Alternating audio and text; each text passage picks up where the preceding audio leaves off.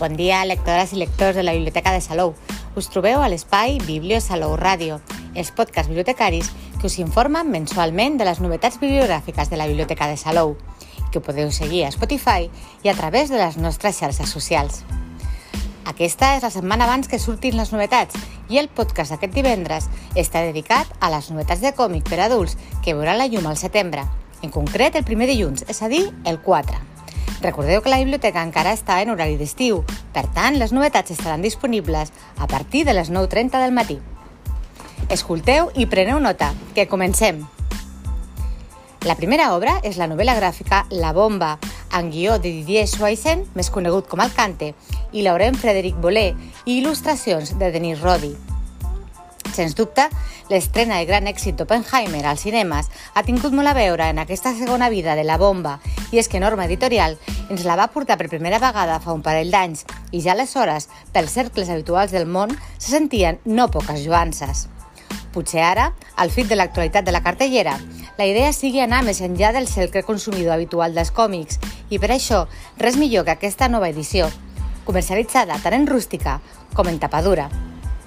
La bomba dona el que promet, sent un gran treball de recerca que dona lloc a un còmic on s'explica tota la història relacionada amb la creació de l'arma més gran de la humanitat. En tot moment s'assenyeixen a la realitat històrica i científica, demostrant la gran tasca de documentació que han executat. Però en els matisos està la diferència. Tot el rigor històric, hi ha certes llicències creatives, relacionades més amb la narració de la història, una cosa necessària pel medi, Possiblement la llicència més gran es troba en el mateix narrador del còmic, el qual podríem dir que és la clau de l'obra, l'urani. Els artistes van molt més enllà de la història de la bomba atòmica i el projecte Manhattan i ens narren tot el context geopolític del moment, ja que a banda de la guerra a Europa o al Pacífic hi havia una guerra econòmica per aconseguir urani. Una cosa que cal admirar de l'obra és que no es manté equidistant sobre cap bàndol, en aquest conflicte mundial es van cometre tota mena de crims contra la humanitat, per tots els bàndols. A la bomba es reflecteixen totes les barbaritats que es van cometre, tant dins com fora de les batalles, des del tracte que van rebre treballadors i científics en aquella època, passant per condicions d'esclavitud, fins als experiments horribles sobre éssers humans per, per comprovar els efectes de la radiació. Cap bàldol se'n salva. El dibuix de Rodier compleix amb escreix, tot i no ser una obra mestra. La decisió, la decisió que la història estigui en blanc i negre és un gran encert que enforteix la sensació de documental. Pel to de l'obra i pel seu aspecte documental, és possible que no permetés experimentar amb el dibuix, raó per la qual l'artista fa un dibuix competent, però no destacable. Realitza la funció de narrar la història. Ara bé, val a dir que Rodier sí que genera alguns dibuixos espectaculars, sobretot a les splash page i Double Page. Treu partit d'aquests recursos narratius per mostrar imatges molt impactants, on es pot veure fins on arriba la crueltat, la crueltat de l'ésser humà i les seves accions. També cal destacar la tasca de l'artista pel que fa a les expressions facials.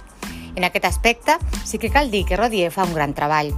En una època de grans conflictes, els sentiments estan a flor de pell i l'artista treu partit de les situacions per mostrar-nos un gran rang d'expressions.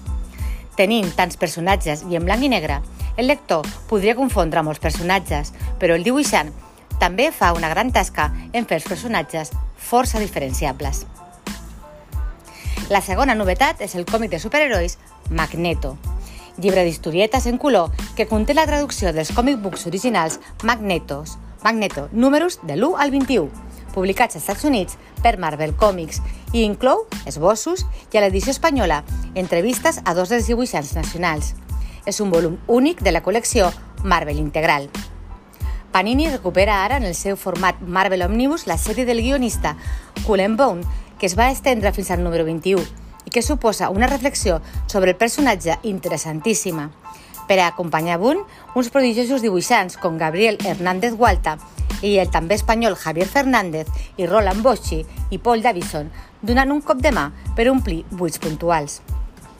Una mirada demolidora sobre la figura del més temible enemic de la Patrulla X. Qui fos considerat el mutant més perillós del planeta ja no és l'home que tots van conèixer. Eric Lesner s'ha convertit en la marioneta dels altres, però continua disposat a lliurar la guerra per la seva espècie. Per fer-ho, perseguirà tots i cadascun dels que, del que es posin en perill l'homo superior.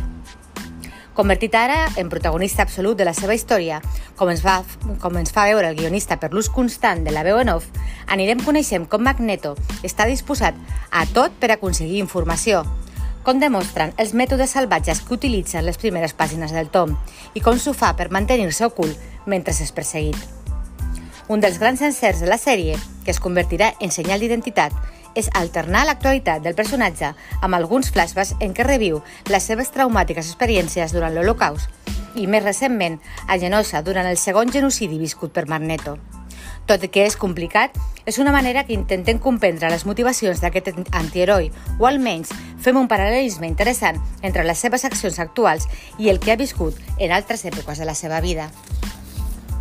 Sens dubte, el millor és l'estudi psicològic de Magneto i com ho fa, així com la narrativa d'Hernández Gualta a les il·lustracions i com maneja el llenguatge corporal.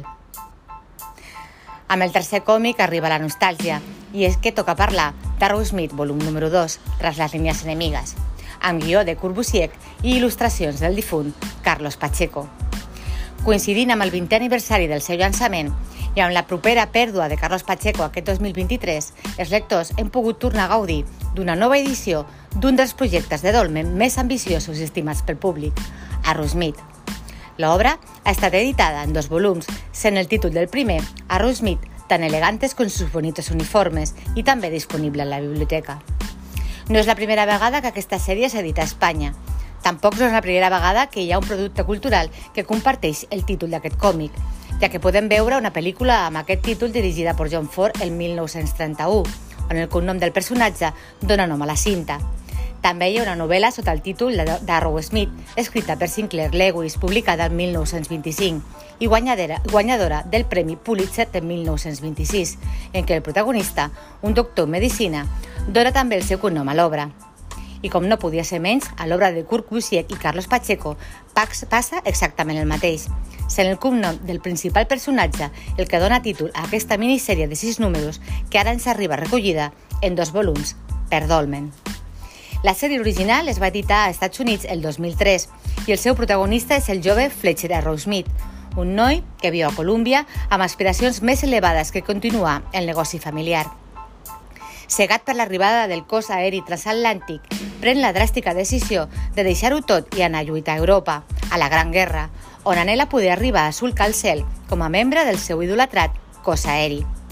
La base és, per una banda, la participació de joves pilots nord-americans en els primigenis combats aeris durant la Primera Guerra Mundial, juntament amb temes molt més universals, com la pèrdua de la innocència, els horrors de la guerra, etc.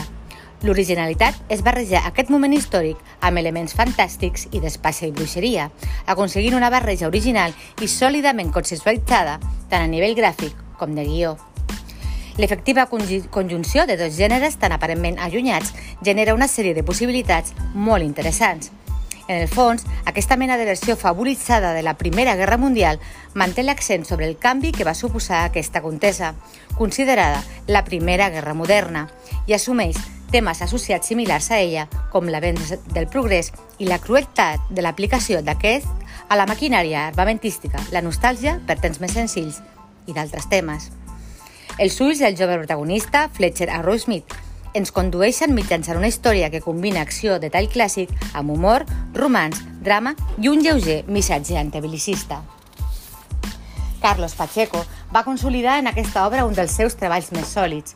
No només exhibeix un múscul creatiu senzillament espectacular a l'hora de reinventar tot un món, sinó que demostra un bon gust i eficiència en cada moment, fet que converteix aquesta obra en una de les seves cimeres indiscutibles.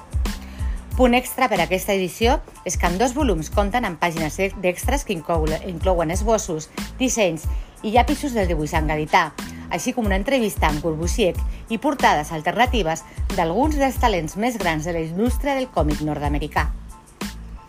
I el punt nostàlgic? Doncs l'última voluntat de Carlos Pacheco va ser que les seves cendres es dipositessin a la tinta de la impremta del segon volum d'Arrow Smith, la que avui ens ocupa, i que és la seva darrera obra. I a Dolmen van fer tot el possible i més. Divendres 2 de juny de 2023, Àlex Pacheco fill de l'il·lustre dibuixant gadità, va portar fins a Barcelona les centres del seu pare, a la impreta Índex Arts Gràfiques, per dipositar-les a la tinta en què es va imprimir aquest segon volum d'Argo Smith. D'aquesta manera, com bé explica el mateix Àlex en un emotiu text a l'última pàgina del tom, una miqueta de Carlos Pacheco estarà en aquest llibre amb tots nosaltres. I tanquem amb el volum 13 de l'edició en català del manga Tokyo Revengers, de Ken Wakui, publicat per Norma Editorial. A la biblioteca podeu gaudir de la sèrie tant en català com en castellà. La situació del manga en català ha anat fluctuant amb el pas dels anys. Des de la primera obra publicada a Cavall Fort l'any 1968, Tonda Haneko, molts títols han arribat a moltes velocitats fins al dia d'avui. Des de l'imprescindible debut de Bola de Drac, passant pel boom de Glenat a principis del 2000 i aturant-se a, a les edicions simultànies d'Oso Còmics. Sempre hi ha hagut alguna mena de representació, per mínima que sigui. I ara, després d'una època d'incertesa per molta gent, fa la sensació que s'aproxima una nova etapa d'abundància. Tokyo Revengers marca l'inici de la nova línia de manga en català de norma editorial, a la venda des del 15 de juliol de 2022, amb una periodicitat mensual. La sinopsi de Tokyo Revengers seria en Takemichi Hanagaki, un jove amb una vida no gaire resolta, descobreix que la seva exparella ha estat assassinada per la Tokyo Manjikai, una perillosa banda urbana. Tot i la notícia, el gir més radical de la seva vida passa dies després, quan algú l'empenya a les vies del metro i és atropellat per un comboi. Però en comptes de morir, en Takemichi viatja amb el temps, 12 anys enrere, a una època on ell era feliç quan anava a l'institut i tenia parella. Decidit a canviar aquest destí, farà el que faci falta per convertir-se en una millor persona i salvar la vida d'aquella qui més s'estima. El dibuix és un dels aspectes més rellevants de l'obra, amb unes cares que recorden molt a les de Slam Dunk. Tokyo Revengers presenta un aspecte molt clàssic i tot i haver-se estrenat l'any 2017 al Japó.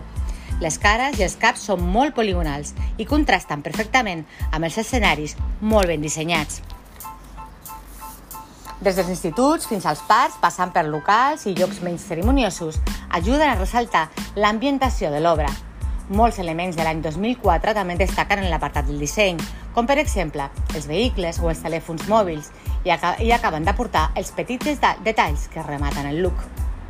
El millor, molts personatges carismàtics que de ben segur seran els predilectes de molts.